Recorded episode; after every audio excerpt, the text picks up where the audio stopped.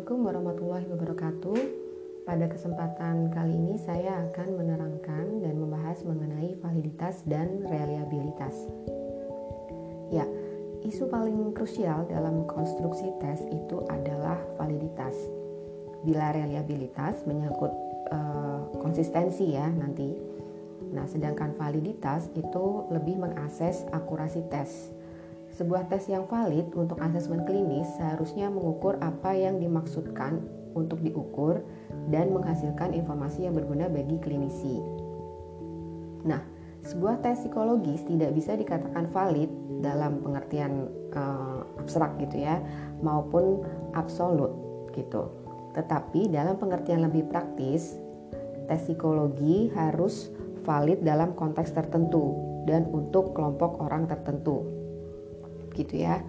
Nah, meskipun sebuah tes bisa reliable walaupun tidak valid, tetapi hal yang sebaliknya tidak mungkin terjadi. Jadi, syarat yang harus dipenuhi untuk validitas adalah tes itu harus mencapai tingkat reliabilitas yang baik, yang sempurna, yang adekuat gitu. Jadi, sebuah tes yang valid adalah tes yang mengukur dengan akurat variabel yang dimaksudkan untuk diukur. Nah, sebagai contoh, tes yang terdiri atas pertanyaan-pertanyaan tentang kemampuan musikal seseorang. Mungkin keliru menyatakan bahwa tes itu adalah tes kreativitas, gitu ya. Nah, tes tersebut mungkin reliable dalam arti bahwa jika tes itu diberikan kepada orang yang sama dalam kesempatan-kesempatan yang berbeda, ia tiap kali akan memberikan hasil yang sama. Jadi tes itu akan memberikan hasil yang sama.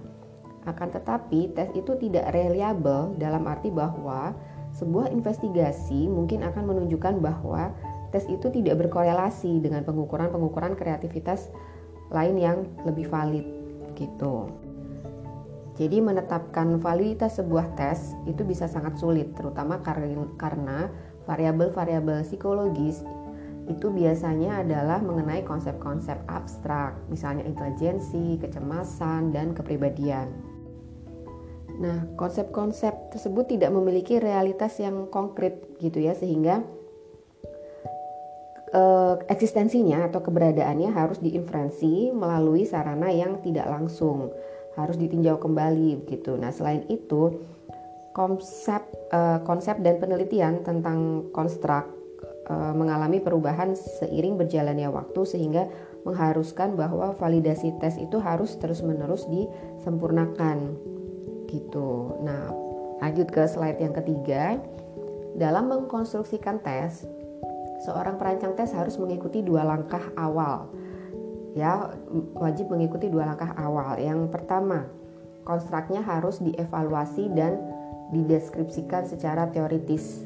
Gitu. Yang kedua, operasi-operasi e, maksudnya adalah pertanyaan-pertanyaan tes itu harus dikembangkan untuk mengukurnya Nah, bahkan bila si perancang tes sudah mengikuti langkah-langkah ini dengan taat dan sungguh-sungguh, kadang-kadang masih sulit untuk menentukan apa yang sesungguhnya diukur oleh tes tersebut.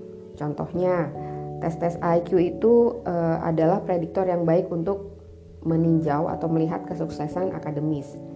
Tetapi banyak peneliti mempertanyakan apakah mereka itu sebetulnya mengukur secara benar konsep intelijensi seperti yang dideskripsikan secara teoritik gitu ya. Nah, tes hipotesis lain berdasarkan isi soalnya. Mungkin tampak mengukur apa yang dideskripsikan sebagai bakat musikal misalnya. Yang mungkin pada kenyataannya itu berkorelasi tinggi dengan kemampuan verbal. Jadi, tes itu mungkin lebih merupakan ukuran kemampuan verbal daripada bakat musikal. Gitu ya. Jadi sebuah estimasi dari validitas itu menyangkut hubungan antara tes dan kejadian eksternal, kejadian yang di luar diri individu tertentu yang diobservasi secara mandiri, secara independen gitu. Kemudian untuk selanjutnya ada metode validitas pada slide keempat. Tiga metode utama untuk menetapkan validitas yang pertama ada validitas isi atau content validity. Yang kedua validitas kriteria atau criterion validity. Yang ketiga ada validitas construct atau construct validity gitu ya. Nah, untuk slide yang selanjutnya pada slide kelima, validitas isi. validitas isi merupakan hal yang pertama dipikirkan oleh para pengembang tes. Nah, validitas isi ini mengacu pada representatif, representativitas dan relevansi instrumen relevansi instrumen asesmen ya dengan konstruk atau seperangkat ide yang tidak dapat diukur secara langsung. Misalnya kepribadian gitu. Lalu di slide yang selanjutnya, slide ke-6, sebuah konsep yang terkait dengan validitas isi itu adalah face validity atau validitas muka. Disebut juga validitas yang dicantumkan. Nah, validitas isi ini menyangkut judgement yang dibuat oleh para ahli. Gitu. Jadi menyangkut uh, mengenai suatu labeling atau keputusan yang sudah uh, dibuat oleh para ahli begitu ya. Nah, validitas muka itu tadi um, menyangkut judgement juga dari para pengguna uh, pengguna tes gitu. Jadi validitas muka ini ada jika tes itu terlihat baik di mata orang yang menjalani tes itu. Jadi tes dianggap baik di mata si testi gitu ya. Di mata pembuat kebijakan untuk memasukkan tes itu dalam program mereka. Jadi di mata si pembuat tes atau si pengada uh, yang pelaksana yang mengadakan tes tersebut gitu dan di mata personel lain yang tidak terlatih itu tes bisa terlihat baik begitu ya. Nah, kegunaan validitas isi ini difokuskan pada tes prestasi dan seleksi personel, maksudnya seleksi karyawan, seleksi tenaga kerja gitu. Nah, sekarang validitas ini digunakan secara lebih ekstensif di bidang asesmen kepribadian dan klinis. Nah, di masa lalu, validitas isi ini dikonseptualisasikan dan dioperasionalisasikan sebagai sesuatu yang didasarkan pada judgement subjektif gitu ya, keputusan subjektif para pengembang alat tes. Nah, di mana akibatnya validitas itu jadi dianggap sebagai bentuk validasi tes yang paling tidak disukai gitu ya. Meskipun diperlukan dalam tahap-tahap awal pengembangan tes.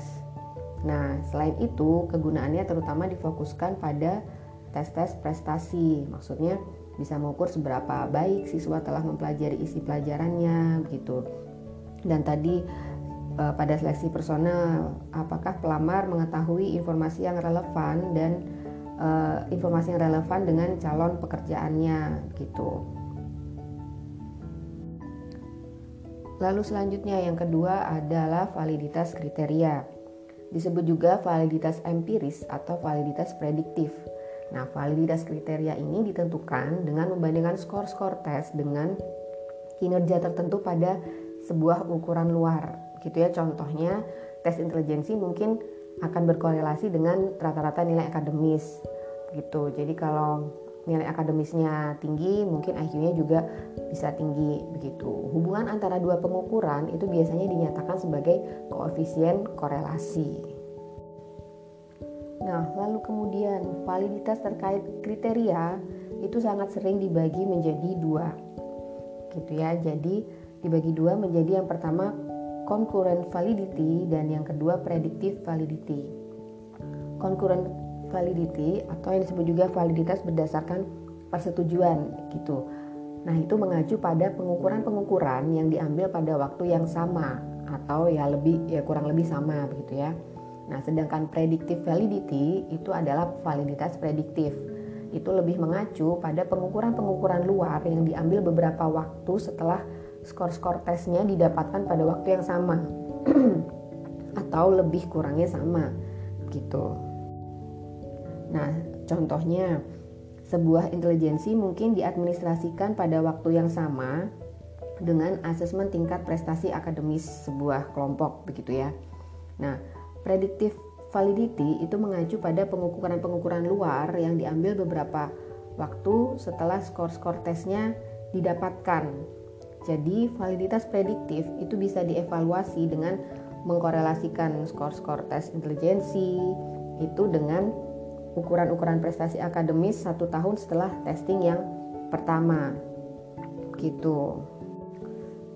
Nah, um, sementara itu concurrent validation sering digunakan sebagai pengganti untuk validasi prediktif karena sifatnya lebih sederhana, tidak terlalu mahal dan tidak terlalu banyak makan waktu gitu ya. Akan tetapi pertimbangan utamanya adalah dalam memutuskan apakah validitas konkuren atau prediktif yang lebih baik tergantung maksud dari tesnya gitu ya. Jadi validitas prediktif paling cocok untuk tes-tes yang digunakan untuk seleksi dan klasifikasi personel gitu. Nah, hal ini mungkin termasuk merekrut pelamar kerja, menempatkan personel militer dalam program pelatihan gitu ya, menyaring individu-individu yang berkemungkinan mengembangkan gangguan emosional atau mengidentifikasi kategori dari populasi psikiatrik mana yang paling berkemungkinan untuk mendapatkan mm, manfaat dari pendekatan suatu penanganan tertentu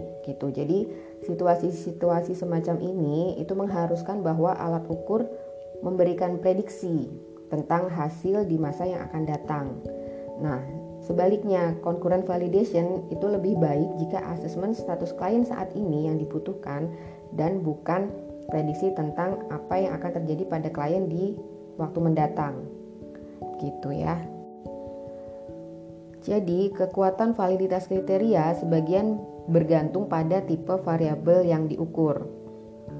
Biasanya, tes-tes intelektual atau tes-tes bakat itu memberikan koefisien validitas yang relatif lebih tinggi daripada tes-tes kepribadian karena secara umum ada lebih banyak variabel yang mempengaruhi kepribadian daripada intelijensi. Nah, hmm, Ketika jumlah variabel yang mempengaruhi ciri dan sifat yang diukur bertambah, maka akan semakin sulit untuk memperhitungkannya, gitu ya. Bila sejumlah besar variabel tidak diperhitungkan, ciri sifat yang dimaksud dapat dipengaruhi dengan cara-cara yang tidak dapat diprediksi. Gitu. Jadi situasi ini dapat menciptakan um, derajat fluktuasi yang jauh lebih besar dalam skor-skor tesnya sehingga menurunkan koefisien validitasnya.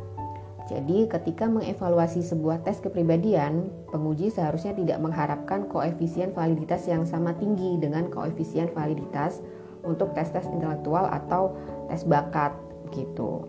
Nah, panduan yang membantu adalah melihat validitas-validitas yang ditemukan pada tes-tes yang serupa dan membandingkannya dengan tes yang sedang dipertimbangkan.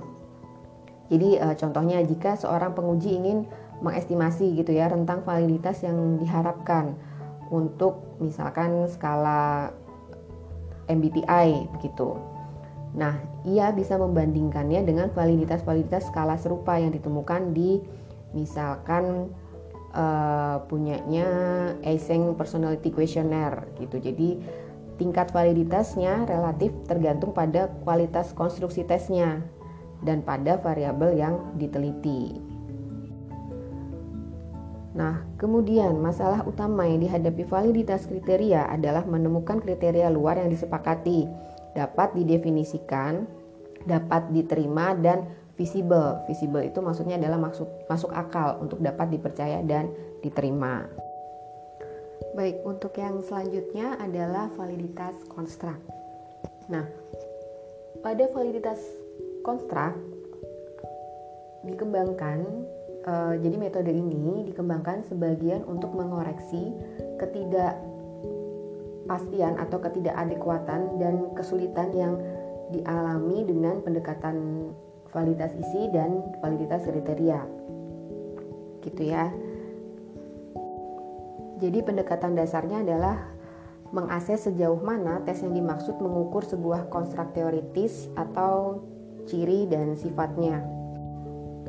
Nah, pada bentuk-bentuk awal validitas isi itu terlalu banyak mengandalkan pada judgement subjektif gitu sementara validitas kriteria terlalu restriktif gitu terlalu uh, terlalu restriktif dalam bekerja dengan ranah-ranah atau struktur konstruk yang diukur.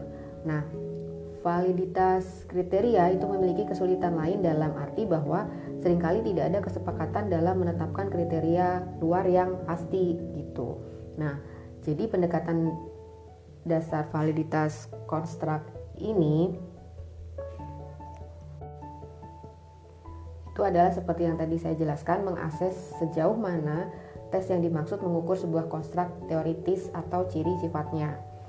Nah, pada asesmen ini melibatkan tiga langkah umum, begitu atau tiga langkah utama. Yang pertama, konstruktor tes harus melakukan analisis yang teliti terhadap ciri sifat yang diukur. Begitu ya. Yang kedua, mempertimbangkan bagaimana hubungan ciri sifat itu dengan variabel-variabel lain. Nah, yang ketiga, perancang tes perlu menguji apakah hubungan-hubungan yang dihipotesiskan itu benar-benar ada. Nah, sebagai contohnya, sebuah tes yang mengukur dominansi seharusnya itu memiliki korelasi tinggi dengan individu yang menerima peran kepemimpinan dan memiliki korelasi rendah atau negatif dengan ukuran-ukuran yang submisif gitu ya. Nah, serupa dengan hal itu, jadi sebuah tes yang mengukur kecemasan seharusnya memiliki korelasi positif yang tinggi dengan individu-individu yang diukur selama situasi yang membangkitkan kecemasan seperti sebuah eksperimen yang melibatkan rasa sakit fisik tertentu gitu. Nah, bila hubungan yang dihipotesiskan ini dikuatkan oleh penelitian, maka derajat kepercayaan yang ditempatkan pada tes itu akan meningkat, begitu ya. Lalu, metode lain yang digunakan di dalam validitas konstruk itu adalah mengestimasi derajat konsistensi internal dengan mengorelasikan sub subtes tertentu dengan skor total tes. Contohnya, jika sebuah tes di sebuah intelijensi, maksudnya sebuah tes intelijensi gitu ya, tidak berkorelasi dengan baik dengan IQ secara keseluruhan atau IQ skala total, subtes itu seharusnya dieliminasi atau diubah dengan cara yang dapat menaikkan korelasinya gitu. Nah, metode terakhir untuk mencapai validitas konstruk adalah sebuah tes harus berkonvergensi atau berkorelasi tinggi dengan variabel-variabel yang secara teoritis serupa. Gitu. Nah, tes seharusnya tidak hanya menunjukkan validitas konvergen ini gitu, tetapi juga mempunyai validitas diskriminatif yang nantinya akan menunjukkan korelasi rendah atau negatif dengan variabel-variabel yang tidak sama dengannya gitu. Jadi, skor-skor pada tes pemahaman, misalkan pemahaman bacaan gitu ya, seharusnya itu menunjukkan korelasi positif dengan kinerja dalam pelajaran bahasa dan korelasi negatif dengan kinerja dalam pelajaran berhitung. Kemudian untuk selanjutnya pada slide yang ke-11 reliabilitas. Nah, reliabilitas suatu tes itu merujuk pada stabilitas, konsistensi, daya prediksi dan akurasi. Lalu dua isu utama yang berhubungan dengan derajat kesalahan dalam sebuah tes itu yang pertama ada variasi alamiah dan tak terhindarkan dalam kinerja manusia. Yang kedua berhubungan dengan reliabilitas yaitu metode-metode testing, metode testing psikologis gitu ya, itu tidak tepat atau persis. Jadi pada reliabilitas itu melihat seberapa jauh skor-skor yang diperoleh seseorang itu akan menjadi sama jika orang itu diperiksa ulang dengan tes yang sama di kesempatan yang berbeda. Nah, konsep reliabilitas itu didasarkan pada kemungkinan adanya rentang kesalahan atau kesalahan pengukuran dari sebuah skor. Di mana hal ini merupakan estimasi rentang kemungkinan fluktuasi acak gitu ya yang dapat diharapkan dalam skor seorang individu. Nah, akan tetapi harus di tekankan bahwa derajat kesalahan tertentu atau derajat ke bisingan tertentu selalu ada dalam sistem gitu. Mulai dari faktor-faktor seperti misalnya salah membaca soal prosedur administrasi yang buruk atau perubahan suasana perasaan klien.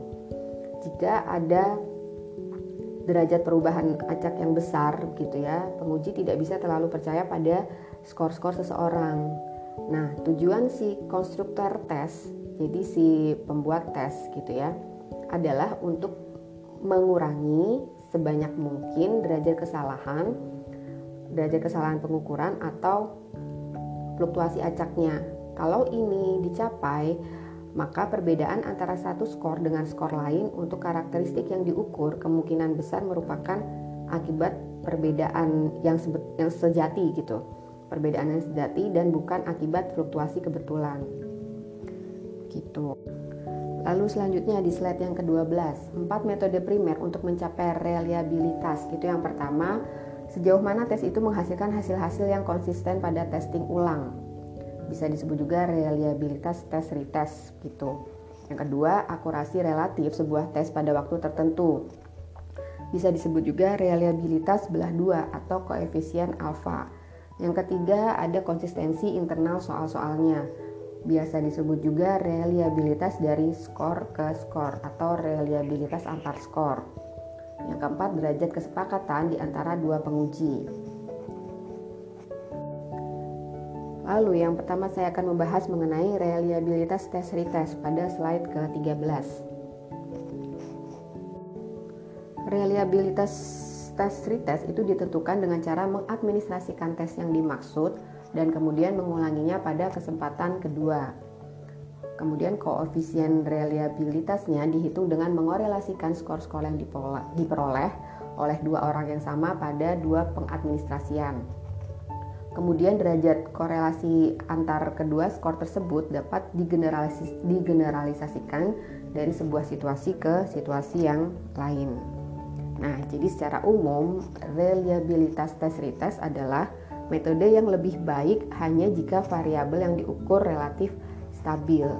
Jika variabelnya mudah berubah, misalnya kecemasan, metode ini biasanya tidak adekuat gitu atau tidak bisa uh, kurang bisa dipertanggungjawabkan dengan baik gitu kurang lebihnya. Untuk selanjutnya pada slide ke-15, reliabilitas belah dua dan reliabilitas koefisien alfa itu adalah teknik-teknik terbaik untuk menentukan reliabilitas sebuah ciri sifat dengan derajat fluktuasi yang tinggi. Oleh karenanya, eh, maksudnya oleh karena tes hanya diberikan sekali dan soal-soalnya dikorelasikan satu sama lain, hanya ada satu pengadministrasian dan tidak ada kemungkinan bagi pengaruh waktu ya untuk mengintervensi seperti yang dihadapi pada metode tes retest. Jadi metode belah dua dan koefisien alfa ini memberikan ukuran konsistensi internal soal-soal tes dan bukan stabilitas temporal dari perbedaan eh, pengadministrasian untuk tes yang sama. Nah, untuk menentukan reliabilitas belah dua, tes itu sering kali dibelah berdasarkan soal-soal genap dan ganjil. Nah, metode ini biasanya uh, cukup baik untuk kebanyakan tes gitu.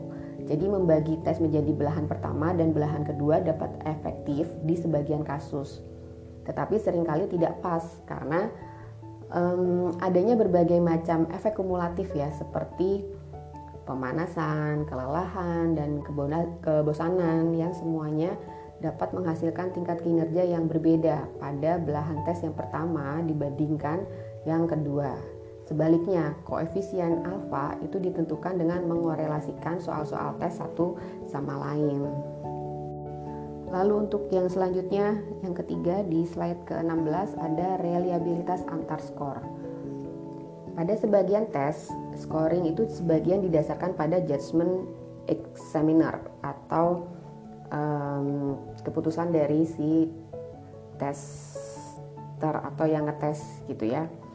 Oleh karena judgment bisa bervariasi antar skor, maksudnya adalah seseorang yang mendapatkan skor dalam tes tersebut yang satu dengan skor yang lainnya. Mungkin penting juga untuk mengakses sejauh mana reliabilitasnya terpengaruh.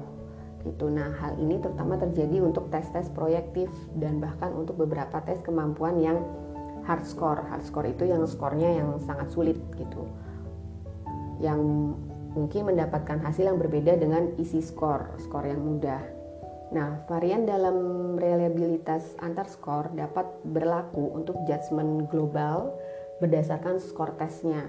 Misalnya, otak yang mengalami kerusakan versus otak normal atau untuk detail-detail kecil scoring, scoring seperti apakah seseorang telah memberikan respon shading atau area yang digelapkan dalam gambar gitu ya versus uh, tekstur permukaan kasar pada tes rosa gitu. Jadi di tes rosa tuh ada uh, respon shading dan uh, respon tekstur gitu. Nah, strategi dasar untuk menentukan reliabilitas antar skornya adalah mendapatkan serangkaian respon dari seorang klien dan meminta dua individu yang berbeda untuk memberi skor terhadap respon-respon orang itu. Nah, variasinya adalah dengan meminta dua penguji yang berbeda untuk mengetes klien yang sama dengan menggunakan tes yang sama.